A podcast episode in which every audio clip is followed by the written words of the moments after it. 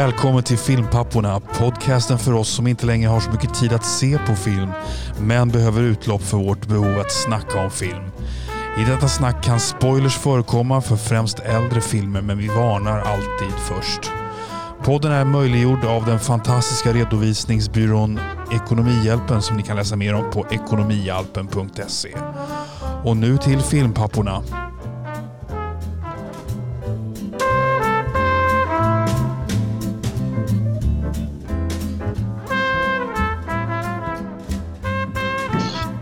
Hey, what's happening my man? Right on! Sjöng Svullo en gång i tiden. Svullo Det fick var han... ungefär 30 år sedan. Ja. Fick han någonsin någon film? För Svullo. Var han med? Micke Dubois som han hette. Egentligen. Om han fick någon film? Nej, det tror jag inte. Har han någon Nej. film på sin repertoar? Han måste ju haft någon liten biroll i någon sån här gammal svensk sällskapsresa. nå- nå- Någonstans Ja, jo. Säkert. Du, eh, vi kör online och du har pastat in oss i något konstigt litet landskap här så att vi ska titta på varandra. Jag vet inte. Jaha, fick, fick du upp det också? Jag hade Ja. ingen aning om. Jag, jag såg att det fanns nya grejer i Skype. Jag har nämligen kopplat bort det där landet nu. Eh, Jag såg bara att det fanns nya funktioner så jag började leka med dem och sen hade det jättesvårt att få bort dem. Så nu Okej. sitter du sitter kvar där. Då måste jag nästan också Jag sitter ovanför någon slags trapp och så är det Ja, något det är bra. något Nu Ja. sitter jag där också. Du kan klia dig i örat där borta. All right. All right, det här är ju superbra lyssnargrej. Eh, Jaha, vi det är dags för ett avsnitt. Lite nyheter och trivialiteter och lite filmrecensioner och annat. Uh, ska vi kika lite vad som kommer då? Vi har ju fått vår vanliga filmfrågesport där jag kommer att hålla vidare på temat. Där lite, jag spelar i din eh, bollpark där jag spelar med lite, det blir lite Tarantino idag. Uh, så se hur det landar. Ja, jag, eh, jag eh, går in på eh, din filmallmänbildning. Jag tror du kan grejer här. Vi kommer faktiskt att prata om eh, Meryl Streep. Det är så? Meryl Streep? Okej. Jag blir redan lite rädd där. Jag vet inte hur Meryl Streep är, jag- kunnig jag är. Vi har en eh, lyssnarfråga också förstås och det är våran frågespruta Alex som eh, har varit en skurk och hittat på en ny fråga. Mm. Eh, vi har lite nyheter. Vi har fortsättningen på Alec Baldwins historia där, eller fortsättningen. Det är nästa steg i, i den twisten. Eh, du hade jag, lite där också? eh, ja, jag, jag, jag hittade lite nyheter och tänkte, ska jag ta med det här? Nej, men du tar med det. Så. Right. Så vad, vad har du på nyhetsfronten där? Eh, du, det är ett dödsfall. Vad är det? Och eh, en liten nyhet om Paul Newman. Okej. Paul Newman. Nyhet. Okej. Ja. He's not dead. En, och sen en liten nyhet om Peter Jackson faktiskt. Oh, det blir jag intresserad av. Ja, och sen så har jag ett litet slutligt segment under ehm, rubriken I couldn't care less. Jaha, intressant.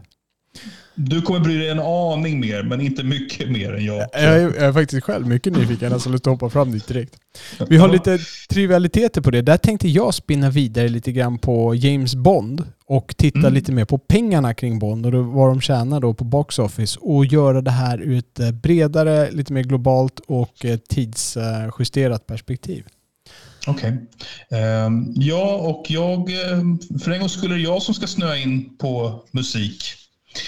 Ehm, Jag pratar om en gammal ehm, en, en, eh, en veteran inom filmmusik kan man säga. Spännande. Mm. Jag har eh, sett en film sen till våra recensioner och rekommendationer där. Jag har varit på bio och sett en film som heter, Peter Örnen, Cop Shop. Cop Shop. Precis, Cop Shop. Cop Shop, Mhm. eller Cop Shop. På det svängen man vill vara. Eh, har du hört talas om den någonsin? Har du, slå namnet dig? Någon pling? Nej, Nej. nej. Det hade jag inte heller hört det minsta om när jag såg den eh, i Filmstadens app där när jag skulle sitta och välja filmen. Eh, Okej. Ja, så det, har du någon eh, recensions, filmrecension där? Jag har tyvärr inte det. Nej. Så det får bara bli Cop Shop Då för hela slanten Cop här. Ja. på grund av det. Så har vi kanske någon rekommendation på det. Bra. Mm. Då är det snart dags att kicka igång. Har du sett någon film sen vi snackade sist? Nej, jag har faktiskt inte det. Eh, Jag har, ehm, jag har suttit och tittat lite grann på små scener hit och dit från Saturday Night Fever faktiskt eftersom den här Val Bisolio hade dött. Aha. Eh, så jag tittade på den där scenen jag pratade om i förra avsnittet när han bråkar med sin pappa och lite dansscener där också. Så hur mycket skulle Mm. du ge, Sad Night Fever, hur mycket skulle du ge den? IMDB-style, 0 till 10, 1 till 10 menar jag kanske. Eh, vad, vad, hur bra är den filmen? Ja, men alltså, jag, skulle nog, jag skulle nog ge det en stark åtta. Stark 8, det är bra. Det är riktigt Ja. bra. Ja, en riktigt bra Ja. film. Ja, Mm. jag måste nog lägga till den här på min lista. Mm. Eh, jag, först så tänkte jag ta en sak. Förra veckan jag snackade om, jag var ju på bio och såg Dune för fjärde gången och jag gick och såg Paw Patrol. Eh, och då, då teasade jag en liten sak som jag aldrig kom kring till. Och det var det att det var fel. Det blev fel på bägge föreställningarna. Eh, och Mhm. på Dune, som jag då såg först, jag var på IMAX och såg den. Mitt i filmen, ganska verkligen mitt i, eller kanske en, någonstans i den andra halvan, så tänds ljusen. Och på IMAX då är det de här IMAX-ljusen. Loggan tänds på sidan och det är lite så här äh, staplar där. Plus att ljusen bakom filmduken tänds. För på IMAX då har man ju ljus bakom filmduken så man kan se ställningen där. som de, äh, de körde lite grann i början på introna och sådär. Så där finns det liksom lampor bakom. Vilket gör att man inte ser riktigt vad det är på bioduken givetvis eftersom det kommer lampor bakifrån. Och de stod på i kanske ja, två minuter eller någonting sånt där. Men det, det känns ganska lång tid när man sitter där och det är någon som springer ut och säger till och det blir liksom, man, man kommer ur filmen lite grann. Och jag Mm. har, jag har nog varit med om någon sån här fadäs på en bio tidigare, men det var ganska länge sedan. Och sen när jag sitter med min andra son och ser Paw Patrol, när de börjar filmen, då börjar de den helt utan ljudspår. Det, det börjar helt tyst. Plus att de hoppar över liksom hela den här sektionen med eh, när man ser loggorna då på alla produktionsbolag och sånt där. Den börjar liksom precis när själva spelfilmen börjar utan ljud och det ligger så i kanske fyra minuter innan de um, släcker ner och börjar om. Liksom. Och sen efter filmen så är det något fel på ljus, ljussystemet så att lamporna tänds alldeles. När vi sitter kvar hela eftertexterna ut där och sitter och pratar lite om filmen och lyssnar på musiken. Och sen är det helt mörkt i salongen. Det är så här kolsvart, becksvart liksom. Så när vi ska ta oss ut. Det finns ju någon liten projektor som lyser någonstans och nödlamporna så man ser ju någonting. Men det var verkligen mörkt. Eh, och det, ja, det vart något fel på den här föreställningen. Och det är så här, jag har gått på ganska mycket bio i några år. Det var extremt sällan varit något fel. Och nu är det liksom två på en vecka. Känns Mm. lite wacky. Att det, ska, att det ska hända på en sån här high-tech IMAX-biograf, det tror man ju kanske inte. Nej. Mm. Och det är så här konstiga fel också. Hur, kommer ljusen på? Är det någon som snubblar på en knapp eller vad är det som händer? Ja. Mm. Det mesta av det där går ju på automatik som jag har förstått. Man bara sätter igång ett program liksom så ska allting där löpa på. Jag har dock sett eh, Air Force One. Det är en film som du har sett eh, för länge sedan, eller hur? Den med Harrison Ford, Helt korrekt. Och Gary Oldman då som är skurken. Jag har faktiskt inte sett den i sin helhet. Jag, jag tror jag har sett eh, jag har ju sett lite på tv när, när han slåss med Gary Oldman på flygplanet där, men Ja, nej. det är typ det jag hade sett också. Ja. Jag, jag vet inte varför jag fick för mig att se den. Jag tror att det var jag höll på att tömma ut något, eh, någon sån här tjänst innan jag gick på de sista filmerna som jag kanske ville se på det där. Någon klassiker jag kanske borde ha sett. Eh, jag hade inga förhoppningar och den, den var verkligen ingen bra. Den är precis så generisk och överraskningslös som jag hade förväntat mig. Det är, Ja, förlåt, jag har något svagt minne av eh, att eh, Harrison Ford, han kanske var den första, eller en av de första, att få 20 miljoner dollar för en film, att han fick det för den filmen alltså var det så? Okej. Men Ja. eh, det här var ju på Arnolds tid. Eh, Arnold fick ju en massa... Ja, nej, han var nog inte absolut först, men han var bland de första med den, har jag för mig. Okej. Det, var typ, det var typ han, Mel Gibson, Arnold och kanske Tom Cruise, så vet jag, Bruce Willis. Det var någon av dem, men han var liksom en av de första Ja. med den filmen, har jag för mig. Ja, det Ja. kan jag tänka mig. Det- Filmen blev ju en hit eh, på bion där. Eh, vilket jag har lite svårt att förstå, men samtidigt har, förstår jag det. För det var, här var ju en tid då Passenger 57 var en rejäl hit på bio. Så att den här typen av filmer var ju gångbara på den tiden. Men den är verkligen generisk alltså. Det är verkligen ordet som jag kan beskriva den med. Ja. Alltså ibland har jag tänkt faktiskt att eh, 90-talet var mycket skitfilmer som gjordes. Alltså, vi, vi pratar ju om de bra filmerna vi minns, men Mother of Christ har mycket generiska, dåliga thrillers och actionfilmer som gjordes. Alltså det är nästan som att så här, jag, jag skulle nästan kunna göra ett case för att 80-talet var bättre än 90-talet. Ja, allt som allt. Jag, jag skulle kunna göra samma case. Jag vet inte hur mycket nostalgi som, som eh, skapade uttalandet hos mig. Men jag skulle nog säga att 80-talet var, var bättre. Alltså B-filmerna på 80-talet var bättre än B-filmerna på 90-talet. Ja, absolut. 90-talet bara körde de på några... Det var liksom bara samma som tuggades om och om igen. Liksom. Ja, verkligen. Men nog om eh, filmer vi har sett och inte sett. Nu är det dags för veckans filmfrågesport. Så, eh, Oliver, vill du skjuta först eller bli skjuten först? Du skjuter först. Jag skjuter först. Okej, okej, okej. Det vi pratar om Tarantino. Eh, det är ju lite ditt eh, julhus det här, för vi ska dessutom prata om Reservoir Dogs, en av dina favoriter hos Tarantino. Okej. Och då är min fråga. Vilken roll i Reservoir Dogs läste Samuel L. Jackson för, men fick nobben av Tarantino? Hmm. Uh... Ja, det är ju det där är lite, det där det, lite intressant det där med hur, hur, hur tydligt det är liksom uttryckt i manus att en karaktär är svart eller vit. För det finns ju en svart karaktär i Reservoir Dogs, den här snuten som Tim Roth rapporterar till. Ja, just det. Du? Ja. Mm. Eh, men jag tror inte att det var den rollen. Eh, det kan ju inte ha varit... Eh, jag tänker mig att det kanske... Det var nog inte... Det var inte Harvey Keitel och det var inte Tim Roth och det var inte Steve Buscemi. För de sitter ju och pratar om svarta på ett ganska nedlåtande sätt i bilen där. Så de tre tänker jag gå bort. Eh, och vilka har vi kvar då? då? Eh, Mr Blond. Eh, Mr Blond, på min vän det var ja, det, är, det är Michael Madsen. Michael Madsen. Ja. Ja, jag gissar på Mr Blond. Det är fel. Och om vi tänker efter. Mr Blond, han var ju ganska tight med, eh, med skurkgänget där med bossen och det. Skulle verkligen en svart kille vara tight med det skurkgänget? De var ju ganska... De var ganska... Jag ska, man kan inte säga att de var rasistiska uttalat, men de var ganska... De höll sig nog på sin eget, till sitt eget gäng så att säga.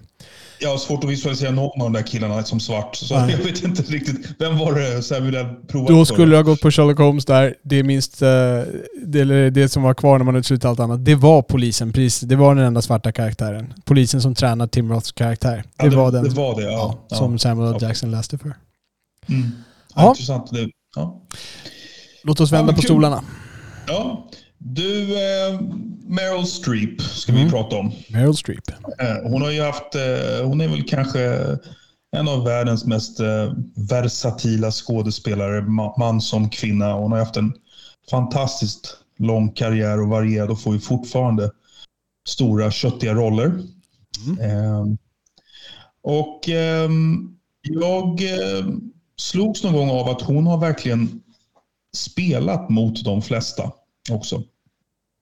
Så jag tog och compilade tio mycket framstående manliga skådespelare.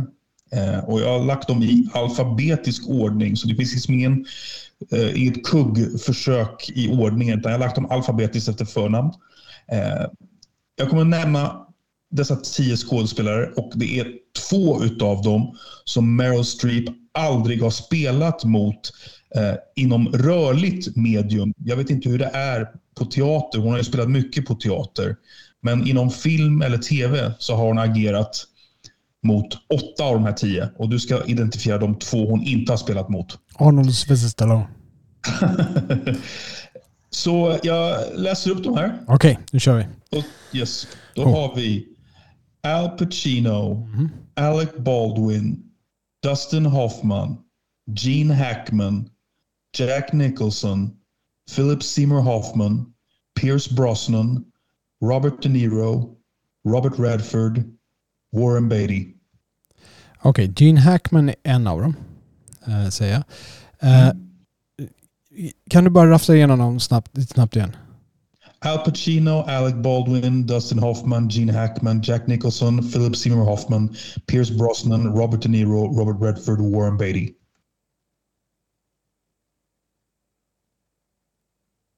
Vem var trean på slutet? Robert De Niro, Okej, fyran på slutet. Pierce Brosnan, Okej. Aj, Det känns... Jag, må- jag måste nog säga Warren Beatty ändå. Jag kan inte komma på någon film, men det känns ju ändå som att deras vägar måste ha korsats någon gång eh, back in the days. Men jag säger Warren Beatty och Gene Hackman. Vi börjar med Gene Hackman. Är det rätt? Det är rätt. Och då får vi se. Warren Beatty. Är det rätt? Ja, det är rätt. Oj, oj, oj! oh, jag blir rörd till tårar. Oh, shit. Ja, det var kul. Det var tur att jag kom ihåg att hon var med i Mamma Mia med Pierce Brosnan där. Han, eh, han, min hjärna ryckte till annars med hans namn där. Ja. ja. Kunde du eh, identifiera filmen hon har gjort med Philip Seymour Hoffman? Eh, nej, men jag minns. Jag, jag får, det, det klingar i huvudet. Eh, men ja. jag, jag, kommer inte ihåg. Är det så Lions och Lambs? Eller någon, någon, det är någon sån där... Eh, någon, inte någon sån film? Är, inte den han är, han är arg... Eh, arg CIA-agent och slår sönder en fönsterruta. Det, det, det, är inte Lions for Lambs, Nej. men det är inte så långt därifrån i tiden. Det är alltså en film som heter Proof, där hon är nunna. Aha, okay. Och eh, Philip Seymour Hoffman är en ganska självgod och obehaglig präst. Okej. Okay. Jaha, ja. just det. Just det. Jag kan se postern framför mig. Jag har inte sett filmen, men jag ser postern framför mig. Ja. Ja. Du, jag tror att du skulle gilla den, du som gillar Philip Seymour Hoffman. Eh, ja. Den är, den är bra. Mm. Finns det någon Philip Seymour Hoffman-film du tycker är dålig? Alltså jag måste säga att jag var inte så imponerad av den här som du rekommenderade, den här baseballfilmen med Brad Pitt. Baseballfilmen med Brad Pitt? Moneyball. Um.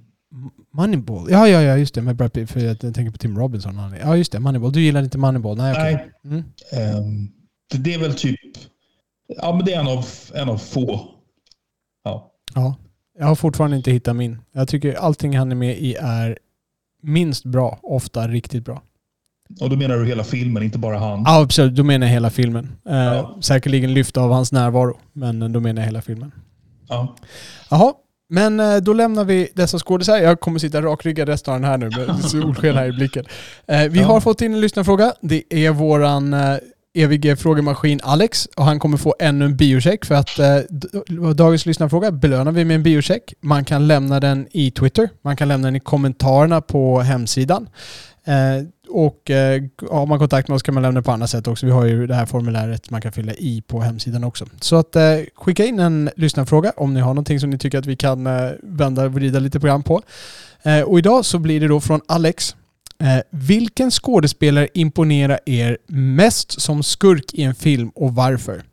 Och jag, jag satt och funderade på det här. Det, det, var inte riktigt lika lätt som jag tänkte. Min etta är en, är en solklar etta för mig. Men det är många mm. sådana jag var tvungen att utsluta. Men man måste tänka på Vader.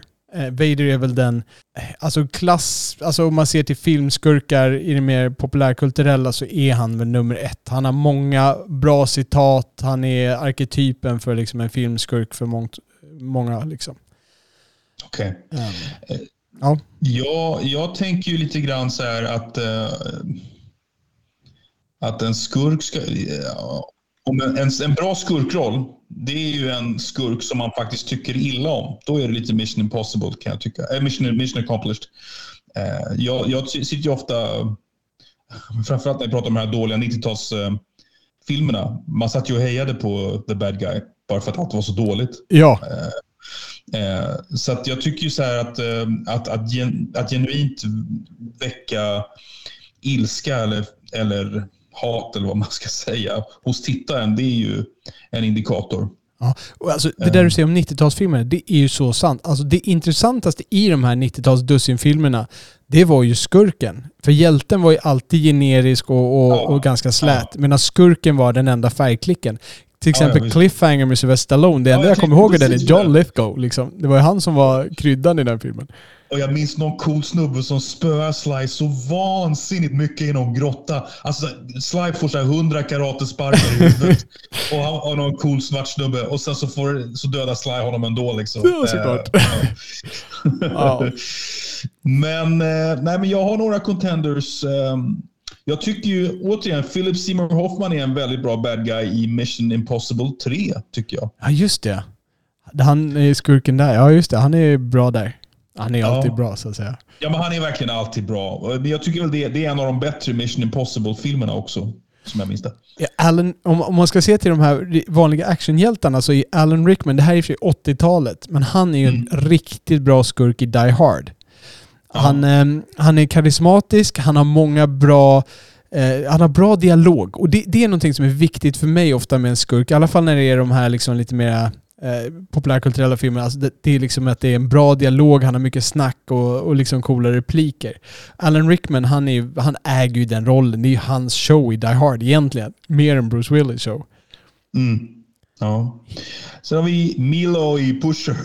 Ja, ja! Ja, just det. Jag vet, inte, alltså jag, vet, jag vet inte om det bara är... Alltså Pusher-filmen är väldigt bra, men han är mer, han är mer kultig liksom. Ja. I, i de här, du är min vän Frank. Jag vet inte om han är så jädra bra, men han är jävligt kultig i Ja, alla fall. Han, han har sin egen stil. Han, eh, han, han förtjänar absolut en plats på listan.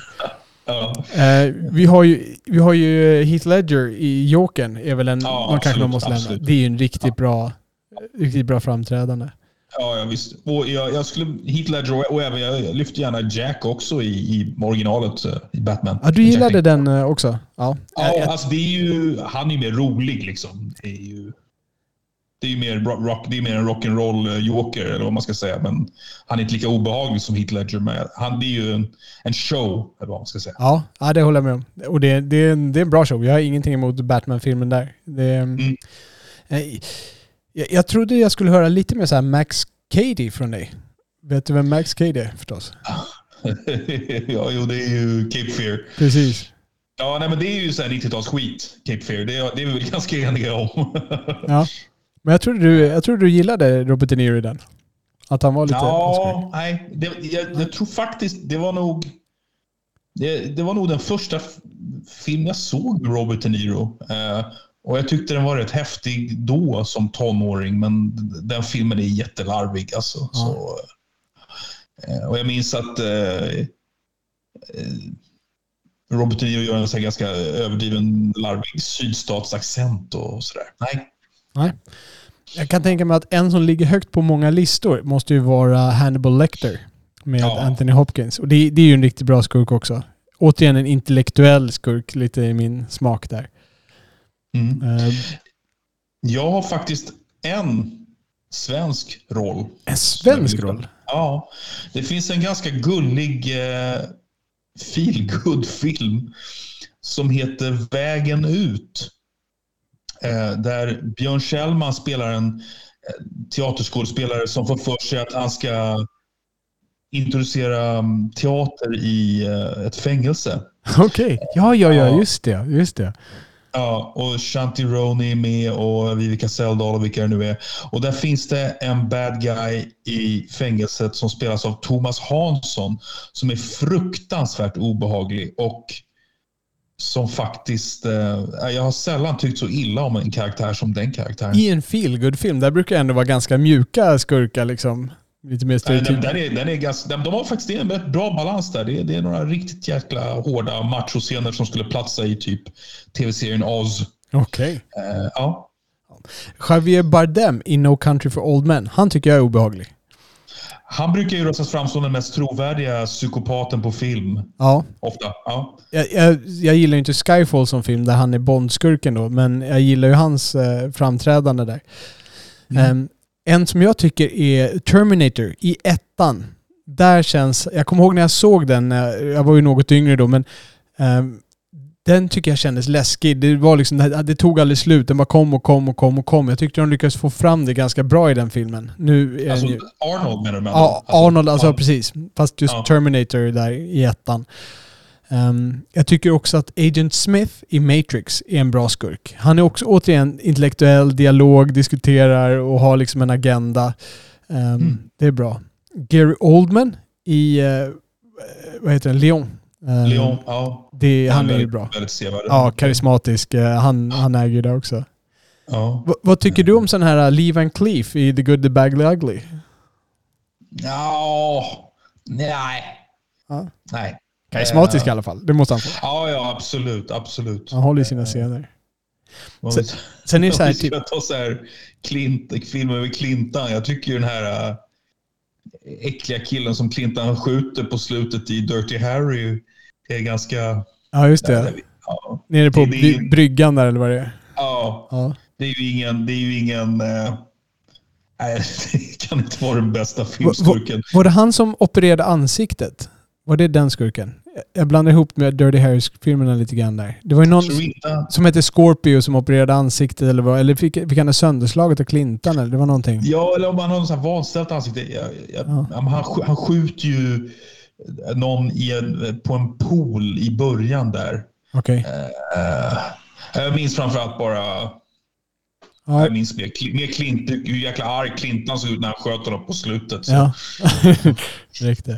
En som, eh, en som säkert andra med på listan också, men som jag har svårt för, det är Christopher Waltz i Inglourious Bastards. Eh, Jag Mm. tycker den är lite för utstuderad, den Ja. rollen. Ja. Eh, Jag tycker håller inte det med. funkar. Jag hade väntat mig att höra lite mera eh, Matt Damon, Tanner Mr Ripley från dig. Ja, men det blir lite så här... Vad är en bad guy? Det finns liksom, han är ju en bad guy för att han dödar folk och är självisk och sådär. Mm. Men sett till, liksom dramaturg, sett till hur dramaturgin är uppbyggd, han är ju inte antagonisten. Nej, det är han ju inte. Helt rätt. Han är ju han är huvudpersonen i filmen liksom. Ja, Protagonisten. ehm, men jag, jag, jag har faktiskt nog en vinnare. Eh, frågan är återigen också om det här är eh, dra, dramaturgiskt en, en renodlad bad guy. Men det är ju en film som handlar om ganska många low lives.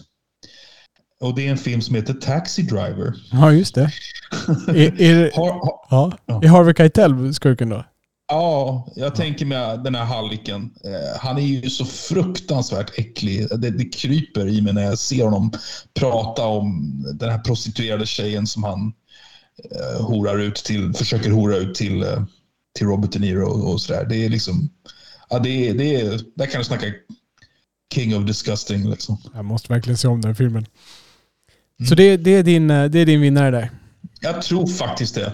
Ja. Jag har en eh, etta också. Och eh, det är eh, Captain Vidal. Jag var tvungen att kolla upp vad karaktären hette i Pans labyrint. Spelad av en skådespelare som heter Sergi Lopez. Den är, jag kommer ihåg känslan när jag såg den filmen. Så där och då satt jag och tänkte att det här är den värsta skurken någonsin. Jag kommer ihåg att jag uttryckligen satt och tänkte på det. Det här är den mest obehagliga skurken någonsin. Han var så verklig. Alltså jag köpte honom att det här, det här kan ske på verkligheten. Han, och han, han var liksom inte sådär överdriven heller, utan han var hemsk på en naturlig nivå, om du förstår vad jag menar. Det, det är svårt att Ja. säga. Och den filmen annars kan ju ses lite som surrealistisk. Det, det är ett barn liksom och hennes drömmar i surrealistiska världar och vad, vad är verklighet och vad är inte verklighet och så vidare. Eh, Men han, eh, när han är med, det är liksom där, då är man ju grundad i verkligheten verkligen. Och det är, han är hemsk. För han, han, är, han är inte alltid genom, det är inte så här, det är ingen, han är inte alltid genom ond, utan det är liksom, utan det kommer från en egoism och en, och en människosyn. Så där. Man, man förstår honom liksom. Bara att han är så Mm. jävla, eh, ja. Ja, nej han är, Mm.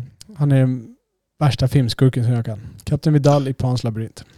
Jag får lägga, lägga den filmen på min to-watch-list. Jag har faktiskt inte sett den. Den är sevärd. Det är Ja. som sagt, det är en... eh, Det, jag tror att det är något annat än vad du väntade i den filmen. Det, blev, det var absolut något annat än jag väntade mig i alla fall. När jag såg den filmen. Okej. Och den är, den är välgjord.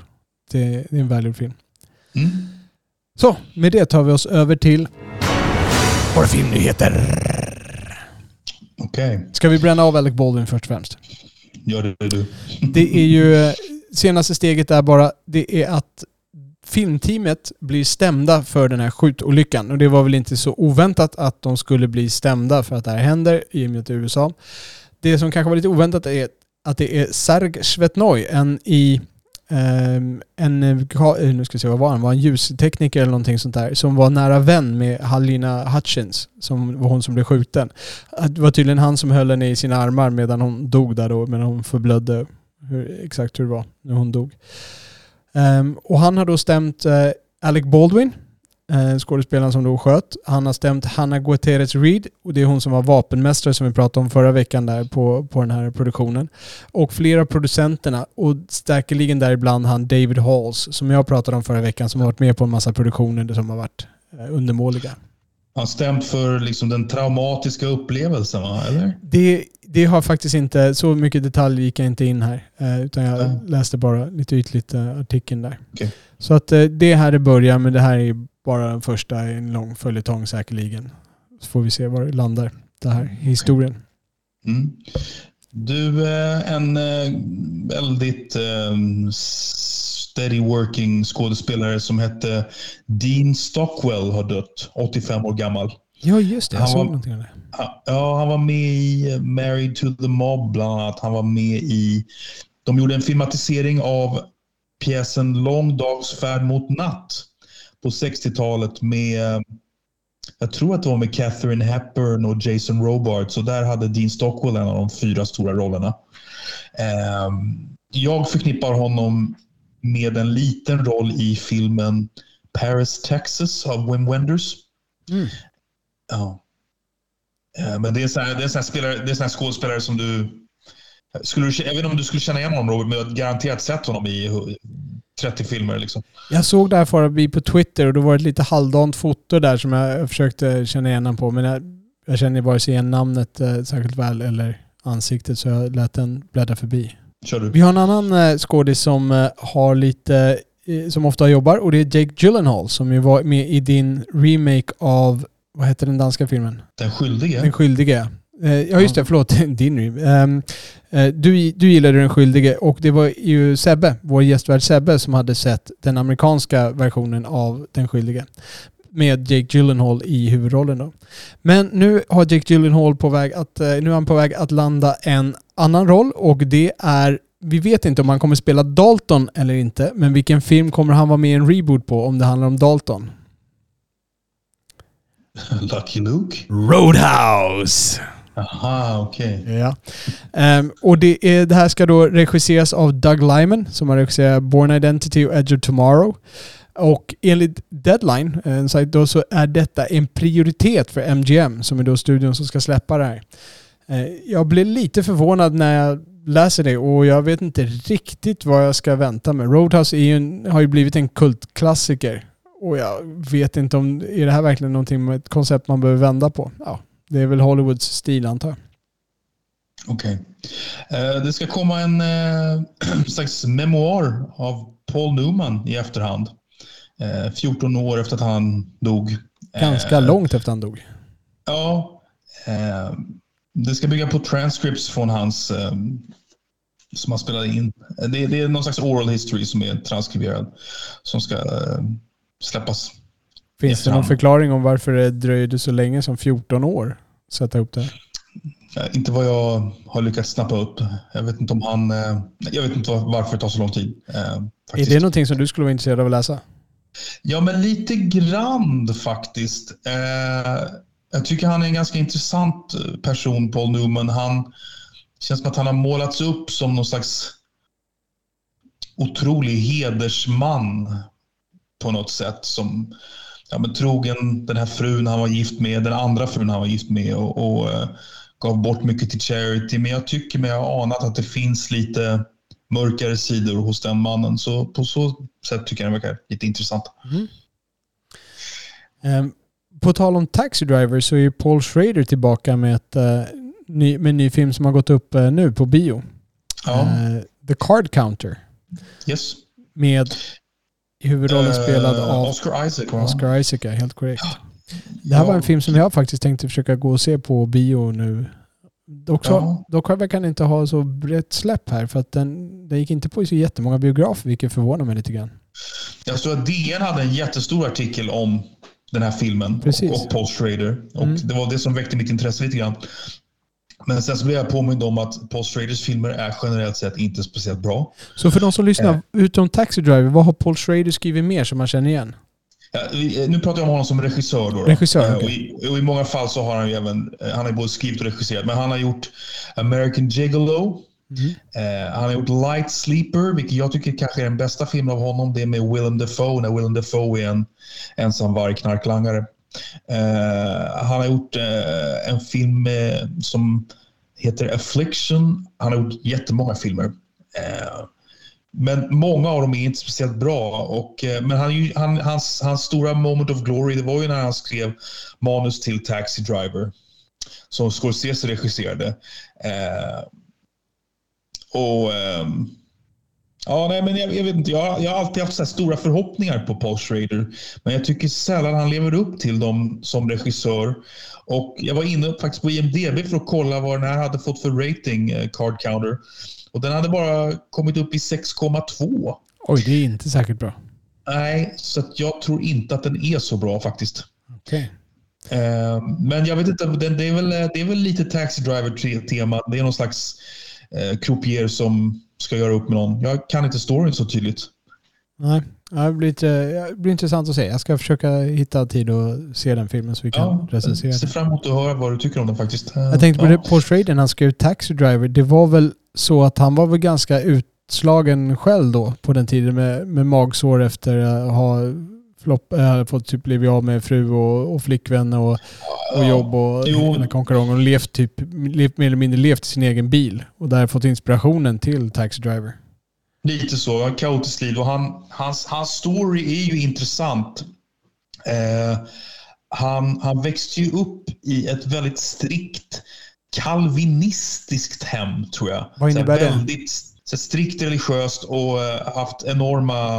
Han har nog brottats en del med Gud, precis som Scorsese, kortfattat. Eh, och han har liksom tyckt om att, att röra sig i ganska sleaziga miljöer i film ofta. Eh, Peter Jackson Oh, Peter Jackson. har, har sålt sin special, specialeffektstudio Weta Digital. Oj, Ja, han, han delägde den eh, och fick 1,63 miljarder dollar för den, tack. rapporterar The Guardian. Eh, jag har inte hunnit läsa mer, men jag tänkte att den headlinen tror jag du går igång på, Robert. Ja, jag, jag tycker alltid det är lite tråkigt så här, precis som när Lucas eller Lucas Art och sådana saker. Men eh, det, det är väl det är, det är vägen som världen går.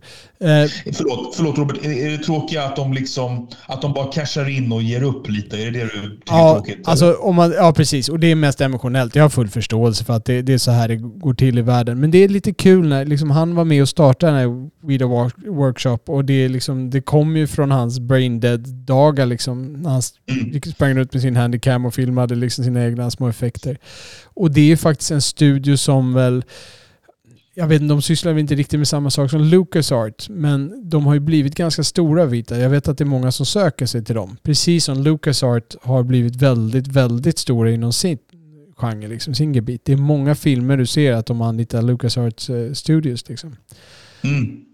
för att Ja. fixa specialeffekter. Eh, Så jag, jag tycker det är lite kul sådär, men det, ja, det, är, det är inget särskilt. Det, det är bara roligt när de, eh, när de håller på med sina egna grejer där, har sina egna workshops. Men de blir gamla, de vill casha in, de vill göra något annat. Det har jag full förståelse för. Mm. Har du någon mer nyhet innan jag wrappar upp med segmentet I couldn't care less? jag, har, jag har sett några trailers som jag, som jag bara var tvungen att kommentera lite grann. Jag har ju varit en del på bio och sett trailers på andra sätt också. Utvandrarna kommer som en film. En svensk version. Och jag är Alltså det, när jag tittar på trailern så ser det här ut som en flopp. Det, det här är min magkänsla bara. För man ser liksom hur den är klippt. Den är klippt lite grann som att här vågar de inte visa och gotta i det här utan de ska bara visa något glättigt så de får några biljetter sålda i alla fall. Jag, jag, jag tror att det här inte kommer vara så bra när man kommer in i bion tyvärr. Men det, det är bara en här- magkänsla. Jag undrar om inte det här är typ den mest påkostade svenska filmen någonsin, eventuellt. Ehm, Det jag vet inte. skulle inte förvåna mig. Sådär. Men jag har för mig att eh, Joel Kinnaman spelar huvudrollen, eller hur? Nej, det är Skarsgård. Gustav Skarsgård heter han va? Ja, det är det. Förlåt. Tillsammans med, eh, huvudrollen vet jag inte, jag, jag vet inte vem det var som spelade Kristina då från Duvemåla, men Gustav Skarsgård spelade hennes make som heter någonting. Max von Sydow. Ja, precis. Det är Max von Sydow. Karl Oskar. Karl Oskar. Karl Oskar så heter han, tack. Vi har eh, Morbius. Eh, det är Marvel. Det är Marvels en vampyrkaraktär som är lite grann som Venom, det vill säga att han är lite halvond och sådär. Och det är ju så att Sony äger ju rättigheterna till Spindelmannen och hela Spindelmannens värld. Men Spindelmannen är ju en del av Marvel och Marvel typ äger resten kan man säga då. Och Morbius är en person som då ligger med på Sonys bord. Så precis som Venom så är det Sony som gör de här filmerna. Och Sony har ju en ganska dålig historik med sina försök till Marvel-filmer. X-Men gick väl bra till en början men de floppar ju bort det där. Och jag tycker inte de har lyckats särskilt bra med dem personligen i alla fall. Och den här ser inte särskilt bra ut. Det är Jared Leto i huvudrollen. Den är regisserad av Daniel Espinosa och Daniel Espinosa som för oss är mest känd för att ha regisserat Safe House. Ja, safe. Alltså, jag tänkte på Snabba Cash i och för sig. Ja. Uh, han, han har också regisserat den här rymdfilmen Life som kom för några år sedan. Också då med, eh, nej förlåt, inte också Jake Gyllenhaal var huvudrollen i den, inte Jared Leto. Uh, så, och den här trailern har också fått ganska hård kritik online.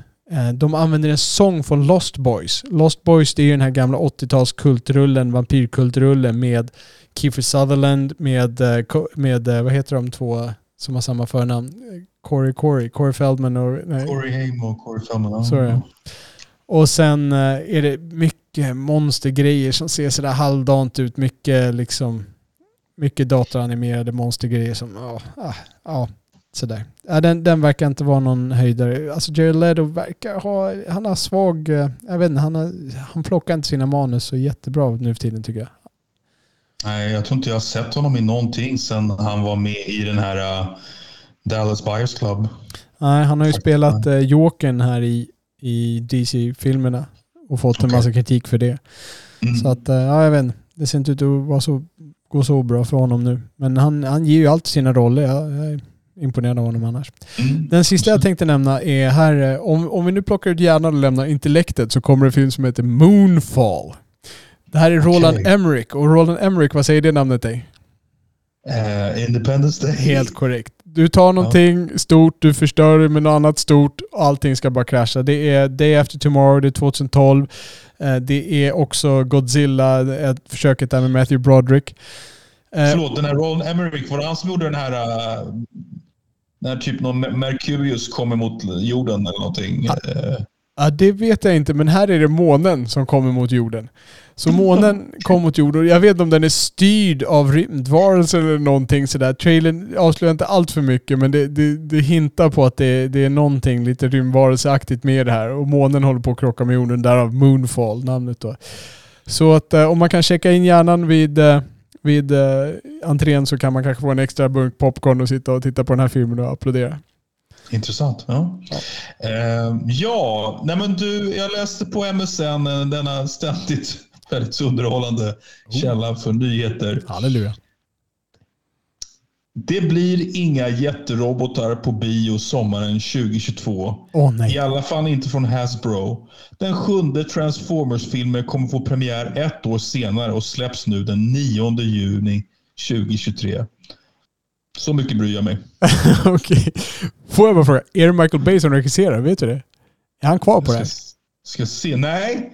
Transformers Rise of the Beasts regisseras av Steven Caple Jr. Hittills mest känd för Creed 2. Okej. En Transformers-film av Michael Bay också. Ja. Ja, ja. Ja. Hur många Transformers-filmer har du sett? Gissa. Noll. Yes. Okej, då ligger vi lika.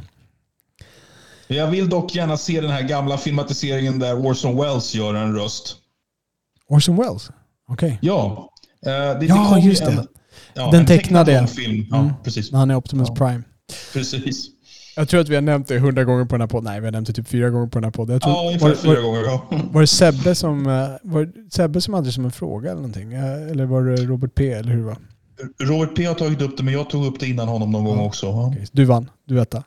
Ja. Yes. Då ska vi säga, vi har lite trivialiteter också där. Du ska vara musikalisk och jag ska vara ekonomisk. Vad, vad tar man för? Vi, vi börjar med ekonomin va? Så vi kan Okej. fixa upp lite. Yes. Eh, då ska vi säga, James Bond. Jag blev ju lite nyfiken här. Jag hade, vi hade ju vår Bond-special här med vår lyssnare Birgitta som var i två delar kan man säga. Vi hade ju först en vanlig Bond-specialare där vi recenserade No Time To Die utan spoilers och hade ett Bond-fokus i hela programmet. Sen hade vi vår första spoiler-special där vi gick igenom Bond-filmen ja, nästan scen för scen, alltså pratade om hela filmen. Och med, med spoilers då på allting och, och vände och vred på de flesta grejer. Och det var riktigt kul. Men jag, en sak jag saknade lite grann då, det var ekonomin där. Och jag har varit inne och kollat lite på det här och då har jag letat upp då för att få siffror som är inflationsjusterade så man kan jämföra filmerna med varandra. Och sen har jag också kollat lite grann på hur de har eh, lyckats, alltså i förhållande till sin budget, vilka är de mest lyckade filmerna? Vilka drog in mest pengar? Så om man börjar på de som har dragit in mest pengar inflationsjusterat så är Kan du gissa vilken som är ettan på den här? Vilken Bondfilm har dragit in mest pengar inflationsjusterat? Goldfinger. Den är trea, så du är absolut i rätt hus. Det är faktiskt Skyfall. Det är den film som Okej. har dragit in mycket, även inflation, dragit in mest, inflationsjusterat. Tvåa är den som har dragit in mest i USA, som inte, lika, var inte, inte var lika het världen över. Men i USA är den här etta, alltså på domestic gross då i Nordamerika ska jag säga, så är Thunderball etta. Den är tvåa globalt, men den är etta i Nordamerika. Sen har vi Goldfinger då trea globalt. Sen konstigt, eller ja, konstigt nog, Spectre är fyra. Mm. Det är lite överraskande. Och Live and Let Die. Om man tittar på den nedre sektionen, vilka har dragit in minst, så förstår man varför de bytte ut Dalton ganska snabbt. Allra sist är License to Kill, som har dragit in eh, 300 miljoner dollar inflationsjusterat. Medan om vi tittar på Skyfall och Thunderball så var de uppe på en miljon. Eh, Vi har En miljard. Ja. Eh, en miljard, precis tack. Ja. jag flippar runt på det. Vi har A View to a Kill som var Roger Moores sista på, på, på den näst sista platsen. Som, och på den tredje sista platsen har vi återigen Timothy Dalton med Living Daylight. Så hans två filmer är, har botten och trean från botten. Placering där. Så vilken skådespelare är... Ja, Daniel Craig är bäst, typ, sett till intäkter. Man säga. Ekonomiskt så har ju han eh, ettan och fyran medan Sean Connery har tvåan och eh, trean. Mm. Medan Roger Moore då har fyran först, med Live and, äh, femman förlåt, med Live and Let Die. Men om man då vänder på det här lite grann och tittar på vilka som har, vilka som har tjänat mest pengar, alltså då beroende på deras budget, hur många gånger drog de in pengarna gånger budgeten? Ja, då, blir det, då får man gå tillbaks och ge en solklar vinst till Sean Connery. Och det är väl kanske lite förklarligt, för Dr. No när de gick, Dr. No hade ju ingen budget att stoltsera med. De hade väl en budget på, eh, vi ska se på den tiden, vi kan se inflationsjusterat så hade Dr. No en budget på eh, 7 miljoner, jag tror det var en miljon dollar på den tiden. Och den eh, har dragit in eh, nästan sex gånger sina pengar. Alltså nästan 600% return on investment som det heter. Goldfinger har tvåa från Russia with Love. Sen kommer Leva, låta dö, Diamonds are forever. De filmer som ligger sämst här. Nu vänds det lite grann här. Där har du Quantum of Solace som är den sämst inkomstbringande. Den drog bara in en och en halv gånger sin budget. The World is not enough med Pierce Brosnan. Lite samma där, 168%. Lite mer än en och en halv. Spectre kommer sen. Die Another Day, Tomorrow Never Dies. Där ser vi att Brosnan och Craig är de minst lönsamma filmerna ändå. De har dragit in mest pengar men de har också haft enorma budget. Spectre vart jag förvånad. En budget på, ska vi se vad det var, var det 300 miljoner? Ja visst, 300 miljoner i Mm. budget. Helt sjukt på Spectre. Vad gjorde de med de pengarna? Det vart ju en riktig bajsrulle. Ja, nej så att ehm, eh, jag tyckte det var lite intressant. Thunderball var en sån enorm hit. Det hade jag ingen aning om. Goldfinger hade jag ju väntat mig skulle vara där uppe, men Thunderball, det var ju Goldfingers eh, uppföljare där. Mm. Ja, nej, så det var Mm. min trivialitet med Bond-ekonomi. Okej. Jag har ju inte riktigt samma givna förhållande till filmmusik som du, Robert. Min inkörsport till filmmusik är ganska ofta genom jazzmusikers performances. Alltså, du vet, en låt från någon film blir en jazzstandard. och Sådär. Modell. Låten eh, People som eh, Barbra Streisand sjunger i eh, Funny Girl. Eh, det, det är en jazzstandard som jag har hört eh, både Frank Sinatra och jazzpianister framföra. Liksom, det, är lite mer, det blir den inkörsporten för mig ganska ofta. Och nu tänkte jag att vi skulle lyssna på ehm, en pianist som heter Bill Evans, en av mina favoriter. Det här är från en platta som heter Conversations with myself. Eh, och Det som är ganska kul här, Robert, är att han har alltså spelat in sig själv gånger tre på piano. Så det är tre pianon man hör som framför det här stycket. Okej, Vi, kan berätta, vi kan berätta vad stycket heter och vad kompositören heter efter att vi har lyssnat på det här. då lyssnar jag först.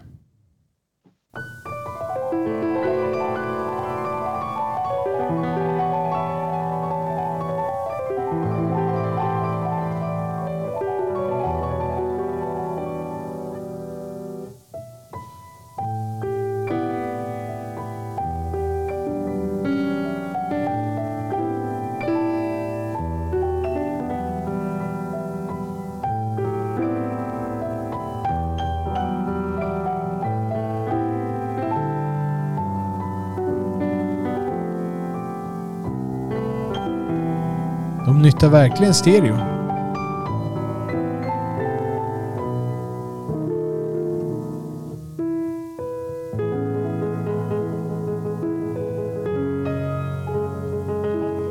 De nyttjar verkligen stereon i den där... eh, Jag vet inte hur Mm. mycket det, om det går igenom stereon till våra lyssnare, men det spelar verkligen lite olika stämmor med olika eh, höger och vänster öra.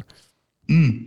Ehm, ja, nej, men Bill Evans var en stor favorit för mig. Ehm, men det här är alltså The Love Theme från filmen Spartacus. Den gamla filmen med, med Douglas. eh, Precis. Kirk Douglas. Regisserad av... En man som heter Alex North. Nej, det, vad heter han? Alex North Stanley. Kubrick. Stanley, var det Stanley Kubrick som regisserade Spartacus? Ja, ja. just det. Nu när du säger det så kommer jag ihåg det, men ja. Eh, Jag vill minnas att jag läste att det, det är den sista filmen som Stanley Kubrick inte hade fullständig, hundraprocentig kreativ kontroll över. Eh, sen blev han liksom helt hardcore och kontrollerade allting själv. Hade väl, på den här filmen hade han väl 97 procent kontroll då, eller någonting. Jag vet inte. Har du sett filmen? Eh, Ja, jag har sett den när jag var liten faktiskt. Eh, och tyckte den var häftig. Jag kan inte påstå att jag, att jag minns musiken så väl eh, från då. Eh, men eh, jag har lyssnat in mig lite grann sen dess. Och det här, det här eh, temat då, det är av Alex North, en kompositör som gjorde hela soundtracket till, ehm, till Spartacus. Och han var en väldigt anlitad filmmusiker som gjorde väldigt mycket. Han jobbade ganska mycket ihop med regissören Elia Kazan som gjorde ganska många Marlon Brando-filmer. Han gjorde filmatiseringen av A Streetcar Named Desire, Linjelusta alltså, pjäsen. Han gjorde musiken till, ja, och även Viva Zapata av Elia Kazan gjorde han musik till. Uh, han gjorde musik till Cleopatra, han gjorde musik till Who's Afraid of Virginia Woolf. Uh, listan är väldigt lång. Han höll på fram till 1991 då han dog. Uh, han vann aldrig någon Oscar, en, ingen riktig Oscar, men han fick en Honorary Academy Award. Eh, var den första filmmusiker att få det. Um, ska säga några till filmer. Han, eh, Det- han gjorde musiken till The Misfits, den här filmen med Marilyn Monroe. Eh, ja, men en ehm, intressant karaktär med Good Morning Vietnam. Oj, gjorde han musiken till den? Ja, så hans, hans sista långfilm eh, som han scorade var 1988. Alex North. Ja. Han, Ja. eh, när man har en sån där bred, eh, när man har en sån eh, bred portfölj så brukar man ju få en sån här heders-Oscar. Det känns som Ja. det. Eh, Ja. Man har ingen riktig topp men man har många stabila längs vägen. Precis. Jag tänkte vi skulle lyssna lite på originalet också. Okej, så nu, förut lyssnade vi på Bill Evans version och nu ska vi lyssna på originalet av Alex North. Precis, så Bill Evans eh, inspelning kom tre år efter filmen. Eh, och det var Bill Evans som gjorde det lite till en jazzstandard skulle jag säga. Men vi ska lyssna lite på originalet också. Det är lite mer orkestralt. Det kommer du gilla tror jag Robert. Ska vi höra hur det låter.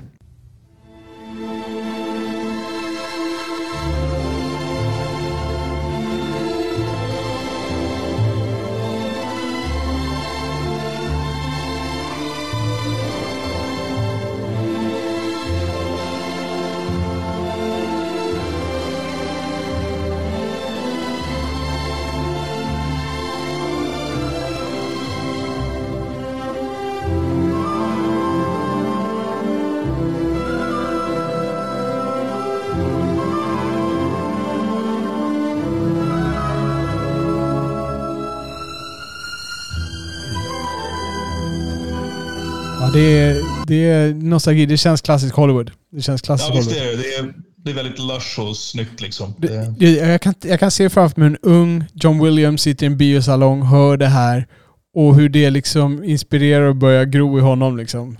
Jag kan jag bara tror det. tänka Ja, ja, jag kan tänka på det. Ja. Ja. Hur är det, alltså, while we're on the subject of John Williams, var det liksom, vet du om det var, var det givet för honom att det skulle bli filmmusik från början?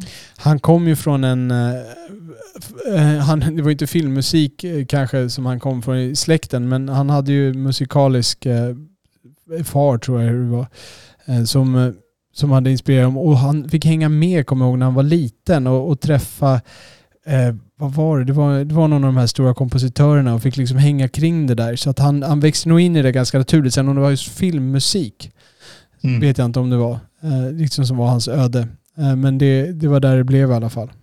Eh, Okej. Ja. jag, jag kan nog kolla upp det där lite grann, för det var länge sedan jag hörde den här historien. Jag kommer inte ihåg vilken stor kompositör eller dirigent det var han fick hänga med, men det är någon sån här namnkunnig. Jag tror jag droppat det för dig någon gång och du, du, höjde på ögonbrynet lite. Alltså wow, var han? Jag tror jag om inte han hade någon sån här jazzgrej eller Mm. något sånt där. Det kanske var en Ja. storbandskompositör eller någonting. Men jag, Okej. jag kan kolla upp det lite grann och trivialisera om det nästa gång. Mm, kul. Cool. Eh, Då har vi trivialiserat, vi har tagit filmnyheter, vilket för oss över till veckans recensioner och rekommendationer. Så jag har ju varit på bio. Och det, det, som, jag, som jag berättade där då var det, jag, jag skulle gå på bio. Det var tisdag kväll och jag skulle kolla vad som gick lite grann där. Vad, vad kunde vara lämpligt att se liksom som vi kan snacka om här på, på podden sen. Och då ser jag här på Filmstadens app att där finns en film som heter Cop Shop. Och jag, liksom, jag tycker vi har koll på filmer, i alla fall jag, jag tycker att jag har koll på filmer eh, som är ute liksom. Jag ser trailers, jag hör, jag läser nyheter, jag läser Twitter. Aldrig hört talas om den. Jag ser att det är Gerard Butler, jag ser att det är Frank Grillo. Och jag menar Gerard Butler är en skådespelare som jag gillar att se på. Liksom. Aldrig hört talas om den. Inte sett, inte hört ingenting. Jag lyssnar på poddar om film, liksom. ingen har nämnt den här filmen. Var kommer den ifrån? Mm. Och det, det väcker mitt intresse. Liksom. Den verkar inte vara så himla B-ig. Liksom. Den verkar inte vara en sån här B-rulle eller någonting sånt där. Och det är det som är i Filmstaden. De är ganska selektiva. Det är inte som USA där man kan gå in och se en sån här double feature med bajsrullar. Liksom. Ja, så att jag, jag, jag tog den. Jag, jag köpte det. Jag gick iväg och såg den. Jag bara av nyfikenhet om inget annat. Jag kollade inte upp någonting utan jag gick dit liksom med bara titeln och skådisarna i fickan. Och eh, det här visar, det är en film om en eh, liten polisstation i hålan Gun Creek i Nevada. Jag tror att den ligger i Nevada i alla fall. Och det är en eh, man på flykt lär man sig ganska snabbt. Och det här är då Frank Grillo. Så jag ska berätta lite mer om vem Frank Grillo är sen för de som inte känner igen namnet. Och han slår till en polis, en kvinnlig polis. Och han, för att bli inlåst. Han gör alltså det här ganska avsiktligt just för att han ska bli fångad och inlåst. Det är nämligen tydligt att han är förföljd av någon figur som rör sig i bakgrunden hela tiden. Man bara ser lite skumt där i bilen, man ser någon skugga när han är inne på polisstationen och så. Och han vill då komma in dit och få lite en tillflyktsort helt enkelt och komma undan den här personen. Men lite senare samma kväll så blir några delstatspoliser påkörda, nästan påkörda ska jag säga, av ett fyllo. De krock, han krockar med deras bil och kör ner i diket. Och då givetvis tar de med honom och låser in honom på samma polisstation. Men vem är det förstås? Gerard Butler. Ja, det är Jared Butler Ja. som är mannen som jagar Frank Jaha, Grillos karaktär. Ja. Okej, ja. Så där är det. Nu sitter alltså, nu är både skurken och eh, den jagade och den jagande inlåsta ska jag nog säga. I samma polisstation. Och där, börjar, där tar handlingen sin eh, fart. Får jag fråga dig en sak redan Ja. nu, Robert? Fråga mig redan nu. Ja. Det här att föra ihop de här äh, till den här gemensamma cellen som de kanske sitter i. Ja, de sitter Eller? i separata celler, men det, det är ett rum, men i separata celler. Ah, Okej. Men är liksom upptakten till att föra ihop de här två karaktärerna, är den krystad eller är den begåvat gjord? Den är ganska snabb. Det, det, är, liksom, det, det, är inget, eh, det är inget hum om att det är det här filmen ska handla om. Utan man, man kommer ganska snabbt dit. Så att eh, Okej. det, är snabbt. Så det, är inga Ja. problem med det. Utan det, är ganska det är bra gjort. Vi, de som spelar med i den här filmen det är då Gerard Butler som vi nämnde och han är även producent. Frank Grillo, för er som inte känner till honom. Om man har sett många filmer i universet. så om man tänker på den här scenen i Captain America and the Winter Soldier finns en scen när han är i en hiss och slåss. Den har blivit lite känd. Frank Grillo är han som är, om man sätter inom situationstecken, huvudskurken i den hissen. Den mörkhårige killen som står Biffy står där bakom och som morsar på Captain America då. Det är Frank Grillo. Han har också varit med i en film som heter Warrior. Är inte det en film som du har sett Oliver? Warrior? Ja, då tror jag jag vet vem det är. Det är väl han som spelar coachen till en av brorsorna. Eh, är det en kille med lite latinoutseende? En gnutta kanske. Gnutta. Men inte Jag tror, att jag, jag, jag tror att jag vet vem det är faktiskt. Ja. Och sen har han många småroller i stora filmer. Han har varit med mycket som den här regissören har gjort, som jag kommer till lite senare också. Eh, Med i den här är också Alexis Lauder. Det är hon som spelar polisen som blir slagen i början av Frank Grillos karaktär. Hon har mest varit med på TV men hon är ett nytt fräscht ansikte som jag tror vi kommer få se mer av. Hon var karismatisk och hon höll absolut sin, sin roll i den här filmen. Vi har Toby Huss som jag vill nämna utan att han är någon kändis. Han har gjort en massa biroller och småfilmer men han gör en ganska kul roll i den här filmen som jag inte ska prata allt för mycket om ännu. Även om han syns i trailern som jag såg i efterhand. Eh, vi har Chad L. Coleman. Säger det namnet dig någonting? Nej, det är en skådis du kunde känna igen om du såg honom i ansiktet. I The Wire säsong 3 så finns det en karaktär som precis har kommit ut ur fängelse. Mm. Och eh, ska då ansluta sig till, eh, till skurkarna där. Det är han. Ja, det är Curry alltså. Han som, han som, eh, som har suttit inne i så här 14 år. Ja, exakt. Och nu kommit Ja. ut och de ska hedra honom liksom och ge honom ett jobb. Ja. Han är cool. Ja, han är cool. Sen är det regin i det här. Det är Joe Carnahan. Som nog, den, det namnet säger nog inte så många. Han gjorde Narc för länge sedan. Som, Ja, den som, minns jag. Den tyckte jag var bra. ja, jag tycker den var bra också. Sen är han ganska känd för att ha gjort en film som heter Smoking Aces. För nu kommer man mer in på hans, den typen av filmer som han är mer känd för. Vilket i den här genren också. Det var han som gjorde The A-Team när de försökte göra en långfilm av The A-Team.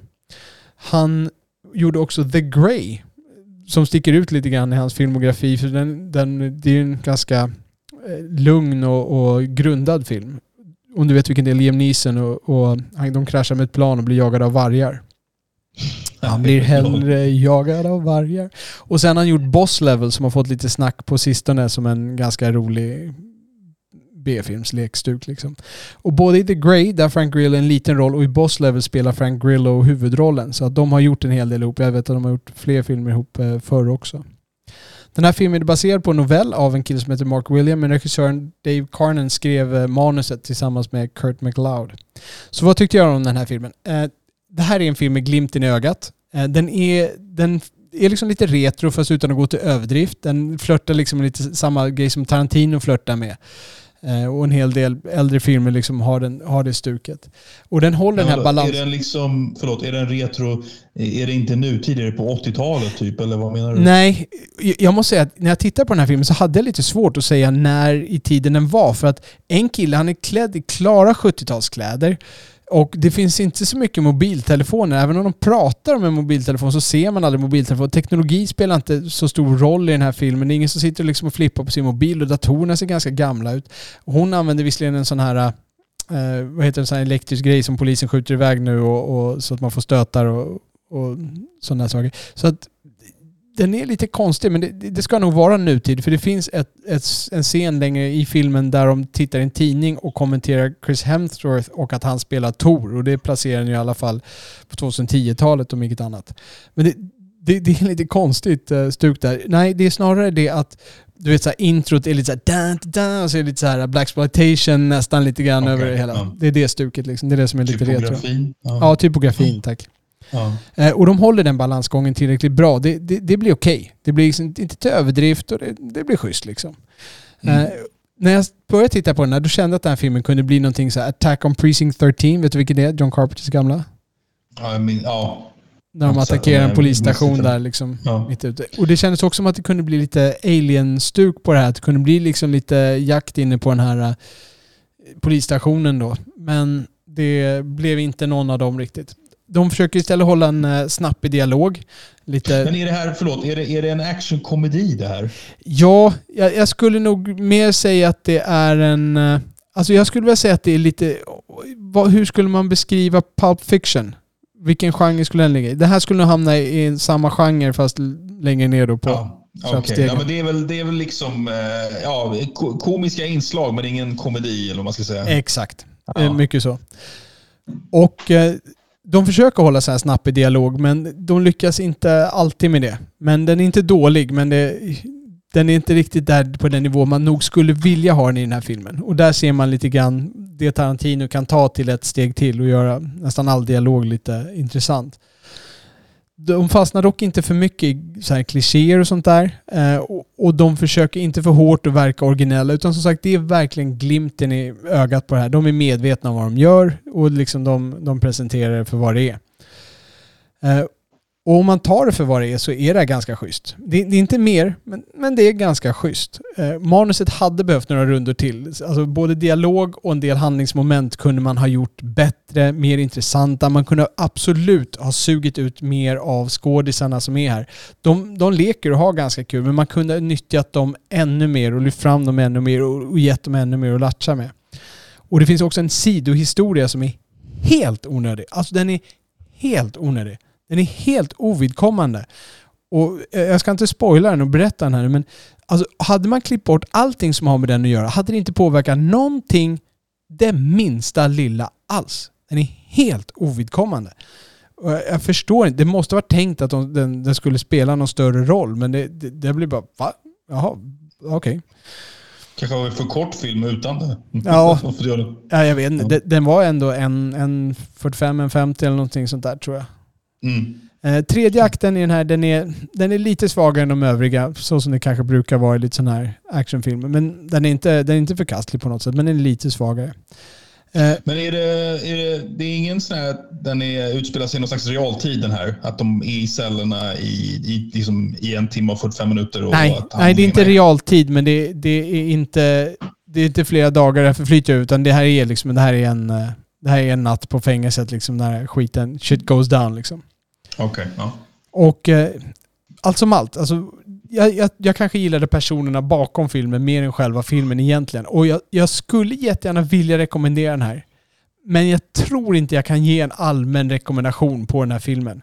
Alltså, men är det så här, om man gillar Gerard Butler, om man gillar Frank Grillo, om man gillar Joe Carnahan och om man vill se de här personerna leka och försöka ha lite kul, absolut, kika på den här filmen jag kan inte rekommendera allmänt, men för de som tycker sånt är lite kul, de kan absolut kika på den filmen. Men jag måste nog ge en avrekommendation generellt.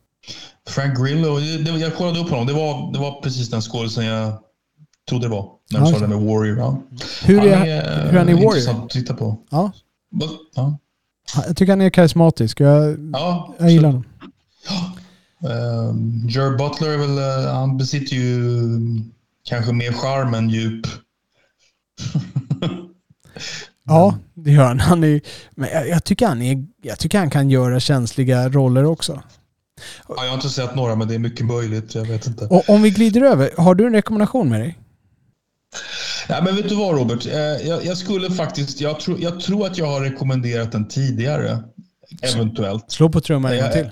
Ja, eller om, jag, eller om jag eventuellt har bara nämnt den. Men du och Sebbe när du hade Sebastian som gäst så pratade Sebastian om den här äh, remaken av Antoine Fuqua eh, med Jake Gyllenhaal.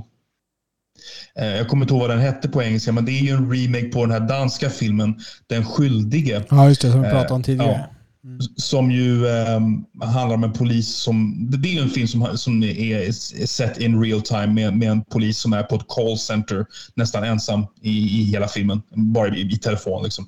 Och det är en väldigt bra, spännande dansk film. Eh, det, det, är faktiskt en av... Eh, det är garanterat en av de fem bästa danska filmerna jag sett. Kanske en av de tre bästa danska filmerna jag sett. Eh, det, det, är så här, jag förstår inte hur, hur Eh, det är intressant det här med, med remakes just Robert. Eh, egentligen så borde man ju göra remakes på ganska dåliga filmer för att suga ut potentialen. Inte försöka överträffa något som är skitbra. Jag, jag förstår inte riktigt det där. Eh, så Den skyldige är, är mitt tips. Och sen apropå det här med bra remakes så kommer jag faktiskt tänka på en film som jag tycker blev mycket bättre som remake. Det var när han, vad heter den irländska regissören som regisserade My Left Foot? Vad heter han? Sheridan någonting. Jim Sheridan heter han. Ja. Uh, Jim Sheridan gjorde en remake på den danska filmen Bröder. Jag tror den heter Brothers på engelska. Uh, och då spelar alltså Jake Gyllenhaal faktiskt och Toby Maguire brorsor med Natalie Portman som spelar frun till Tobey Maguire. Det är så här krigsdrama. En, en brorsa kommer hem trasig från kriget. Liksom. Den danska filmen var inte alls speciellt bra tycker jag. Den är av Susanne Bier. Hon har gjort mycket bättre filmer än det.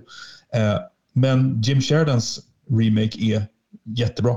Så vi rekommenderar ett original, se inte Jake Gyllenhaals remake. Och vi rekommenderar en remake så är inte dans med Jake Gyllenhaal så är inte det danska originalet. Precis. Okej, sweet. Och de heter alltså... eh, det, det danska originalet som ni ska se, det är Den skyldige. Och, eh, och den, ehm, den amerikanska remaken som ni ska se är Brothers. Jag tror att alla som lyssnar måste nu gå och se Den skyldige. Den har alltså rekommenderats om och om igen, inklusive jag själv. Jag måste nog se den filmen. Är det en film jag kan ta med Annie och titta på? Skulle Annie uppskatta den? Du känner ju till hennes filmsmak lite grann. Den Ja, skyldige. den, är ganska, den är obehaglig alltså. Jag tror kanske... Den, den, den är ganska obehaglig faktiskt. Okej, men den är inte fysiskt obehaglig. Det är inte gore liksom, utan det är, det är mer att det är obehaglig stämning, tryggt, eh, spännande Ja, liksom. du, du, du, du kommer inte att se något obehagligt, men du kommer att höra obehagligt. Ja, okej. Ja, men det, jag ska se om jag kan lura med henne på den ändå. Jag har också med mig en rekommendation och den kommer lite grann ifrån Cop Shop. För jag kommer rekommendera en annan film med Gerard Butler som jag såg eh, för några månader sedan som heter Den of Thieves. Också en sån här film som jag inte hade hört talas om. Den här låg ute på streaming dock. Det handlar om ett värdetransportrån som går överstyr. Det är ett antal pilot, eh, pol- piloter, ett antal poliser som blir skjutna plus någon skurk då. Och det visar sig dessutom att den här värdetransporten är tom. Och det blir tuff baksmälle polisen, eh, alltså tuff baksmälle polisen Big, Big Nick O'Brien som tar sig an eh, fallet. Det var en riktig tongue twister det där. Eh, får se, eh, och sen får man se då hur den här historien eh, rullar ut med både tjuvligans perspektiv och från polisens perspektiv då. I den här så ser vi då, förutom Gerard Butler, så ser vi Pablo Schreiber som är en som är en skådis som jag inte har sett så mycket, men som är mycket karismatisk. Han spelar en av skurkarna. Och han är en helt okej skådis i den här rollen. Men han har inga andra märkbara roller. Trots att han har 31 credits på IMDB så är det bara mindre kända filmer liksom, för den mesta andra delen. Eh, Med i filmen finns också O'Shea Jackson Jr. O'Shea, Jack, O'Shea uttalar man det? Jackson Jr. Vem Du vet om det va? Ja, jag vet vem det är. Vet du vem det är? En son till Ice Cube. Exakt. Och det, han Ja. spelar ju också Ice Cube i Straight Outta Compton-filmen. Precis. Sen har vi 50 Cent med den där, på tal om rappare. Också eh, Evan Jones, som många nog har sett. Men om man kommer ihåg honom som Eminems Loser, hans kompis i, eh, Loser-kompis där i eh, 8 Mile. Cheddar, Cheddar Bob hette han va? Jag minns inte den karaktären. Jag min- minns bara den här coola, hans coola svarta polare. Jag minns inte någon tönt. Ja, Okej, faktiskt. du kommer ihåg eh, Mikael Pfeiffer. Exakt. Ja. Eh, regin i den här, eh, av den här filmen är Christian eh, God, Gudegast. Godegast? Gudegast? Jag vet inte om det är dansnamn eller någonting sådär. Han har regisserat A Man Apart, som är en tidig Vin Diesel-film. Han har regisserat London is Fallen, Gerard Butlers, en av hans 2317 rullar där han räddar presidenter någonstans på jorden. Och sen så håller han på att skriva Den of Thieves 2 tydligen. Eh, Okej. så vad tyckte jag om den här filmen då? Ehm, ja, varför gillar den och varför rekommenderar den? Det här är en smutsig Heat. Den, Ja. det, det är inte ett plagiat på Heat, men det är definitivt samma slag. Fast den här är smutsig, gritty och liksom mindre i skalan. Eh, men den, håll, den håller sin egen mark. Liksom. Det, det, är inte, det är inte ett dåligt plagiat. Eh, den är grundad mer i smutsig realism än till exempel Cop Shop som ju då är en, en rolig retro-rulle.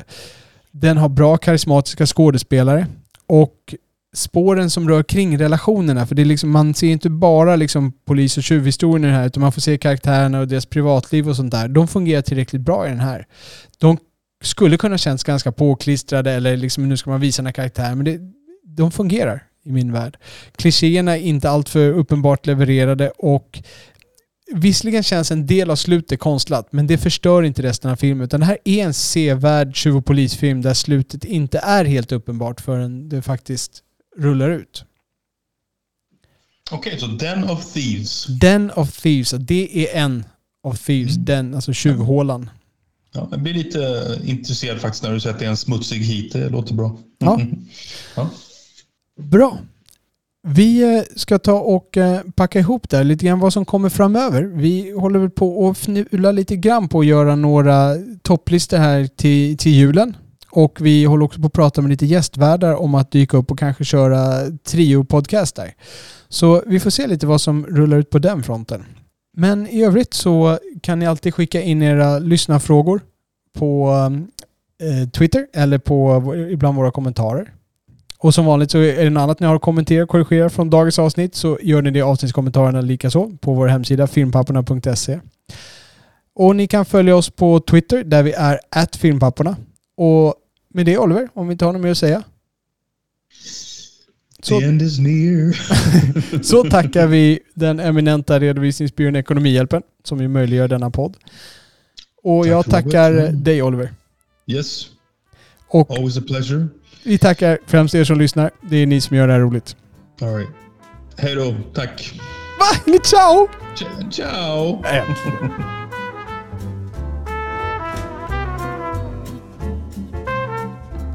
Ni har lyssnat på Filmpapporna som släpps var eller varannan vecka. Man kan ladda ner vår podd i alla vanliga poddappar. Ni hittar också våra avsnitt med fulla avsnittsanteckningar, länkar och klipp som vi talat om på vår hemsida filmpapporna.se. Det är där ni lämnar kommentarer till varje avsnitt med era åsikter, beröm, förbättringstips, korrigeringar eller egna anekdoter. Ni kan också följa oss på Twitter, filmpapporna. Och med det så tackar vi redovisningsbyrån Ekonomihjälpen som möjliggjort denna podd och önskar er alla mörka salonger och så salta popcorn. Grrr.